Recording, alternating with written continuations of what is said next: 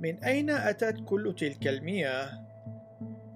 نقرأ في سفر التكوين في الإصحاح السابع في الآيتين الحادية عشر والثانية عشر اقتباس في السنة الستمائة من عمر نوح في الشهر الثاني في اليوم السابع عشر منه تفجرت ينابيع الغمر العظيم وتفتحت نوافذ السماء وكان المطر على الأرض أربعين نهارا وأربعين ليلة نهاية الاقتباس.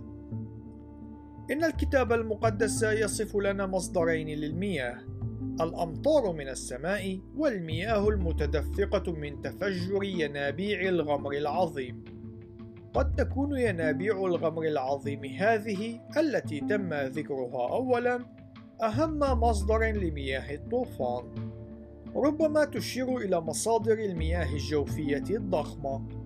يشير التفجر إلى نشاط بركاني وزلزالي واسع النطاق.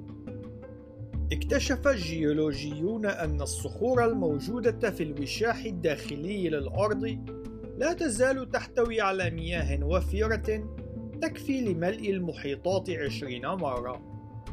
يعتقد هؤلاء أنه قد حدث في الماضي خروج لبعض المياه الموجودة في الوشاح إلى سطح الأرض.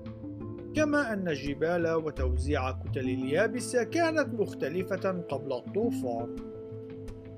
يعتقد بعض العلماء الخلقيين أن تفكك كتلة قارية واحدة كان جزءا من الآلية التي تسببت في حدوث الطوفان.